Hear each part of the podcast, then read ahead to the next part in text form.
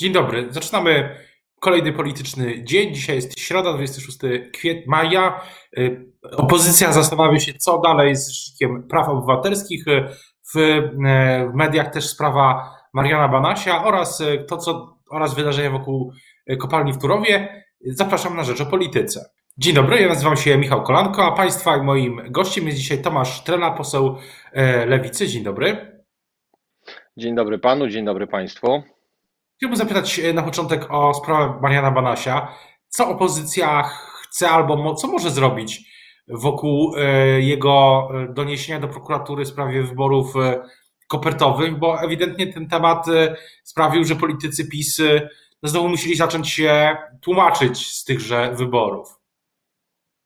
No przede wszystkim sytuacja jest e, bezprecedensowa, dlatego że pierwszy raz po 1989 roku Najwyższa Izba Kontroli, czyli organ konstytucyjny, który zajmuje się kontrolą w państwie, składa doniesienie do prokuratury o możliwości popełnienia przestępstwa przez premiera polskiego rządu, wicepremiera polskiego rządu i dwóch e, konstytucyjnych ministrów, więc taka sytuacja nie miała miejsca.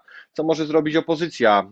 Wczoraj e, część opozycji, Koalicja Obywatelska, zaproponowała trzy wnioski o wotum nieufności wobec ministrów. My dzisiaj e, złożymy e, wniosek o nadzwyczajną komisję, komisję śledczą, żeby tę sprawę wyjaśnić i mam nadzieję, że pozostała część opozycji, a może nawet część rządowa, poprze ten wniosek, dlatego że ja przypominam sobie, jak ponad rok temu, dokładnie 8 maja 2020 roku, czyli jeszcze dwa dni przed tymi nieodbytymi wyborami, złożyłem doniesienie do prokuratury na pana premiera Morawieckiego, twierdząc to, co dzisiaj twierdzi Najwyższa Izba Kontroli, że e, nieuprawnienie podejmował decyzję i prokuratura umorzyła to postępowanie. Więc dzisiaj dla transparentności i przejrzystości sprawy e, tę sprawę powinna wyjaśniać komisja śledcza, która składa się z parlamentarzystów wszystkich ugrupowań politycznych i opinia publiczna musi poznać prawdę. Ale sprawę, ale sprawę wyborów e, kopertowych, jak rozumiem. Tak, oczywiście, dlatego że ja od samego początku uważałem, że pan premier e, Morawiecki wchodzi w kompetencje Państwowej Komisji Wyborczej. On zaczął jednoosobowo wydawać e, polecenia instytucjom e, publicznym, spółkom z udziałem Skarbu Państwa, no i naraził na szwank budżet państwa na kwotę 130 milionów złotych, a tym samym naraził na szwank obywateli naszego kraju, bo na budżet naszego państwa składają się wszyscy obywatele. Gdyby policzyć, co można byłoby zrobić za 130 milionów złotych, czy w skali krajowej, czy w skali lokalnej, to naprawdę byłyby bardzo potrzebne rzeczy, a tam nie było żadnej refleksji, były polityczne dyspozycje. Pan poseł wtedy Kaczyński chciał za wszelką cenę doprowadzić na siłę do tych wyborów, a Morawiecki był tylko wyrazicielem opinii nowogrodzkiej i za to dzisiaj będzie ponosił konsekwencje. Co, co Pana zdaniem znaczy, przepraszam, co Pana zdaniem znaczy ta, ta sprawa dla polskiej polityki na najbliższe miesiące, a może nawet lata? Mówię o tym w ogóle, co dzieje się wokół Niku i tego, że Marian Banaś, z tego co pamiętam też z doniesień medialnych i te kolorowe informacje są takie, że prezes Niku no, chce po prostu kontrolować, y, nazwijmy to, poli, tą rzeczywistość y, działania rządu. Taka jest, z tego co pamiętam, z tego co słyszałem, w kuluarach mówi się też o kolejnych y, kontrolach, y, które, które zapowiada i kolejnych raportach, które mogą być y, kłopotliwe dla obozu rządzącego. Więc pytanie, jak, jakie panie, czy jest jakieś polityczne znaczenie tego wszystkiego? Oczywiście, że jest, dlatego że ja chcę bardzo wyraźnie podkreślić, i to podkreślam na każdym kroku. Nie kontrolę przeprowadza jednoosobowo Marian Banaś, bo jeszcze wtedy mógłby sobie ktoś uzmy, uzmysławiać, że to jest jakaś jakiś odwet, tylko kontrolę przeprowadzają inspektorzy Najwyższej Izby Kontroli. To są fachowcy, którzy pracują tam od lat, którzy mają pozdawane egzaminy państwowe i to nie są ludzie, którzy są podatni na wpływy tego czy innego prezesa, bo oni wykonują swoją pracę dla tej instytucji. Podejrzewam, że kontrolę przy wyborach kopertowych przeprowadzali ludzie, którzy mają bardzo duże doświadczenie i duży staż. I jeżeli kontrolerzy pokazują, że elity władzy, najważniejsze osoby w państwie, przekraczają swoje uprawnienia, a tym samym działają niezgodnie z prawem, to pokazuje zgniłość tej ekipy e, spod znaku Prawa i Sprawiedliwości. I opinia publiczna to widzi, obywatele to widzą. I naprawdę ciężko będzie dzisiaj Kaczyńskiemu przykryć te wszystkie nieprawidłowości, to łamanie prawa, to działanie niezgodnie z prawem e, kwotą 500 plus dla każdego dziecka, bo to już się wydarzyło. Ta E, mantra, która była powtarzana, że my tu jesteśmy od spełniania i realizowania obietnic, e, to już przestała działać. My dzisiaj widzimy, że pan premier Morawiecki jest politykierem i ja nie, nie boję się użyć takiego słowa politycznym głupcem, wykonując takie bezwarunkowe polecenia pana Kaczyńskiego i to do opinii publicznej dotrze i powiem więcej. Jeżeli e, po PiSie będzie demokratyczna władza, a będzie demokratyczna władza, to niezależna prokuratura te wszystkie wnioski, które myśmy składali podczas tej kadencji, wyciągnie, zacznie e, przeprowadzać e, swoje postępowania i zacznie formułować akty oskarżenia i rozstrzygnie to niezawisły sąd. Mówi Pan o tym, że 500 plus już nie działa, ale właśnie dlatego chyba PiS, Polska znaczy Zjednoczona Prawica e, proponuje e, nowy pakiet, czyli ten polski, polski ład, nowe propozycje, z których część, e, jak pamiętam, mówił Włodzimierz Czarzasty, część to jest realizacja pomysłów czy ustaw, które już złożyła Lewica. Tak, tylko że Prawo i Sprawiedliwość chciałoby polskim ładem pokazać, że to jest takie 500 plus bis. Tylko 500 plus to była sprawa oczywista. Każdy dostaje, nie płaci od tego podatku. Sprawa jest dość czysta i klarowna. Natomiast jak patrzymy na nowy polski ład, to widzimy, że wszystkie propozycje obarczone są e, pewnymi ryzykami. I pierwsza z brzegu propozycja: 30 tysięcy kwoty wolnej od podatku. E, tak, e, słuszny e, kierunek, słuszna koncepcja. Lewica też o tym mówiła, żeby taka kwota była. Tylko, że po pierwsze, Lewica nie mówiła o tym, żeby alternatywnie do kwoty wolnej od podatku nałożyć na każdego haracz w składce zdrowotnej 9 punktów procentowych. No i Lewica przede wszystkim nie mówiła o tym, że będzie mniej wpływów do budżetów samorządów terytorialnych. Dzisiaj się to liczy na poziomie 11 miliardów złotych. I to już jest pierwsza pułapka, bo ludzie zaczynają sobie liczyć. Aha, to ja nie będę płacił 17, zapłacę 9, ok, to jestem, to zyskam, ale jeżeli przekraczam 30 tysięcy złotych, to nie płacę tylko 17, tylko płacę 17 plus 9 i to już nie jest takie oczywiste. Więc Prawo i Sprawiedliwość Polskim Ładem robi krok w jakąś stronę, jeżeli chodzi o obywateli, bo ja przecież będę zawsze upominał się o emerytów, którzy mają 1000, 1100, 1200 złotych emerytury i oni dostaną więcej, ale tak naprawdę jest tam wiele pułapek, jest tam wiele takich zasadzek, które są przygotowane na obywateli i na pewno to nie zadziała tak jak 500.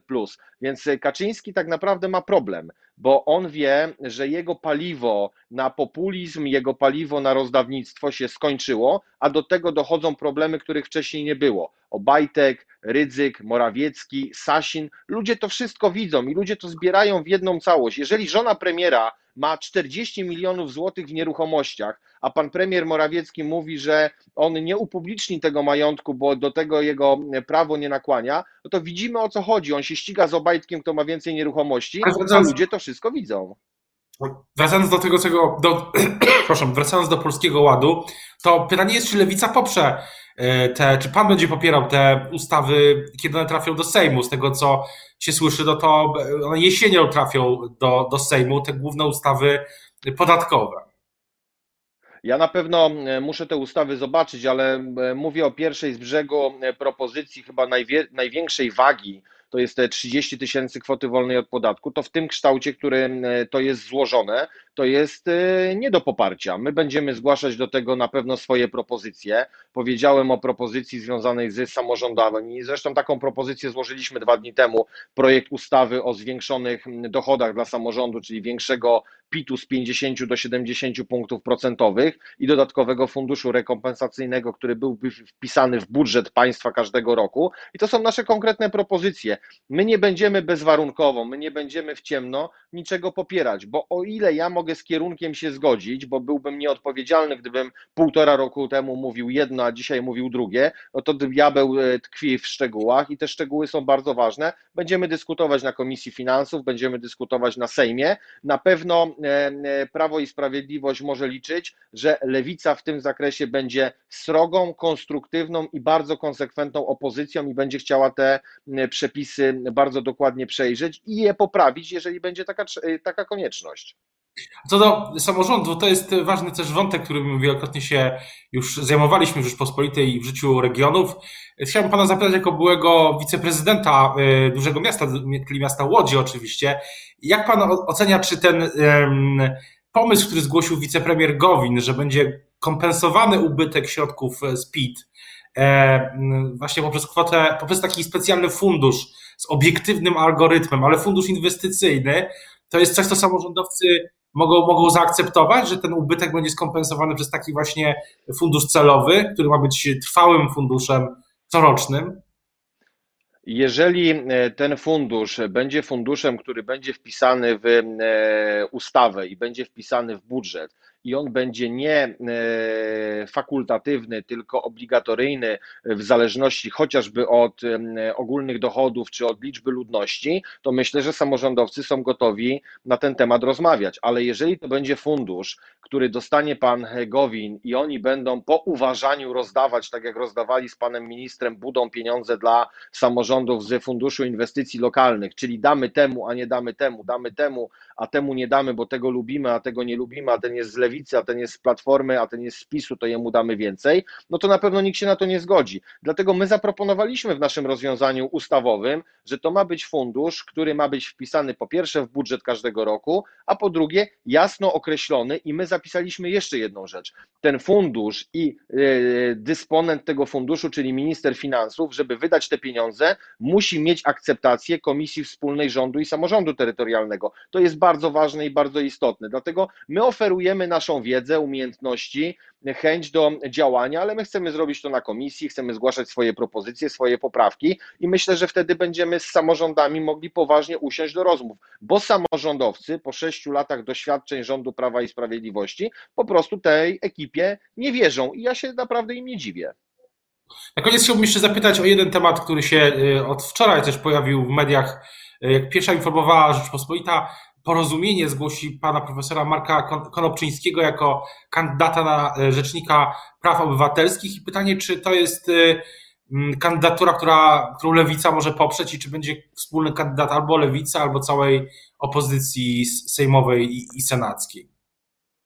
Dla mnie wymarzoną sytuacją byłoby, gdyby cała opozycja demokratyczna miała wspólnego kandydata bądź wspólną kandydatkę i nad takim rozwiązaniem e, pracujemy. Wczoraj w tej sprawie odbyliśmy prezydium klubu parlamentarnego. Dzisiaj o godzinie 19.30 mamy kolejne posiedzenie e, prezydium. E, w naszym imieniu prowadzi rozmowy poseł Krzysztof Śmiszek, który jest prowadzącym ten temat. I ja mówię bardzo wyraźnie: jeżeli na stole będzie leżała kandydatura, która jest zaakceptowana przez opozycję demokratyczną, to w pierwszej kolejności taka kandydatura będzie poparta. Jeżeli takiej kandydatury nie będzie, to wtedy będę namawiał koleżanki i kolegów, żebyśmy zgłosili czy szukali w e, szeregach e, lewicy, szeroko rozumianej lewicy, osoby, która mogłaby nas reprezentować jako kandydat na kandydata na Rzecznika Praw Obywatelskich. To jest mój scenariusz, który powinniśmy realizować, ale w pierwszej kolejności obywatele od nas oczekują, że opozycja w tym zakresie będzie ze sobą współpracować i ja się ku temu e, przychylam. Ale też e, to jest trzeci kandydat, którego zgłasza środowisko Zjednoczonej Prawicy. Wcześniej dwóch kandydatów zgłosiło PiS, teraz zgłasza porozumienie. No i to widać też, że to jest inny, widać też, że to jest inny kierunek niż pozostałe dwie kandydatury, bo to byli posłowie PiSu, a pan profesor nie jest e, członkiem chyba żadnej partii i jest osobą specjalizującą się w sprawach resocjalizacji, naukowcem z e, dużym dorobkiem, więc to, to nie jest kandydatura partyjna. To prawda i na tle tych dwóch kandydatur e, typowo partyjnych, którzy mają legitymację i mieli legitymacje polityczne, pan profesor wygląda zupełnie inaczej, ale jeszcze raz bardzo wyraźnie podkreślę, opozycja powinna w tym zakresie ze sobą współpracować, współdziałać. Jeżeli znajdzie kompromis do tego, żeby wypracować wspólnego kandydata, to powinien być nasz kierunek, ale oczywiście jestem daleki od tego, żeby porównywać pana profesora do pana posła Wawrzyka e, czy pana posła Wrublewskiego, bo to jest zupełnie inny człowiek z innym dorobkiem, inny kaliber osoby i przede wszystkim nieczynny polityk e, Prawa i Sprawiedliwości ani obozu Zjednoczonej Prawicy, więc tego tak nie można zestawiać. Ale mówię o kierunku działania, który nam, lewicy, mnie osobiście jest zdecydowanie bliższy. Czasu, czasu jest y, niewiele, bo chyba w czwartek o 16.30 mija czas zgłaszania tych kandydatur, ale będziemy się tej sprawie bardzo uważnie przyglądać, bo to jest bardzo ważna funkcja, zwłaszcza w czasach pan, po pandemii, pandemii, gdy wiele jeszcze, trwa, cały czas trwa na przykład stan, y, stan epidemii, y, nie wiadomo kiedy się skończy, co ma też konsekwencje oczywiście dla obywateli.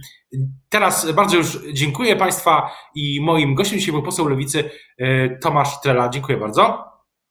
Dziękuję bardzo, miłego dnia.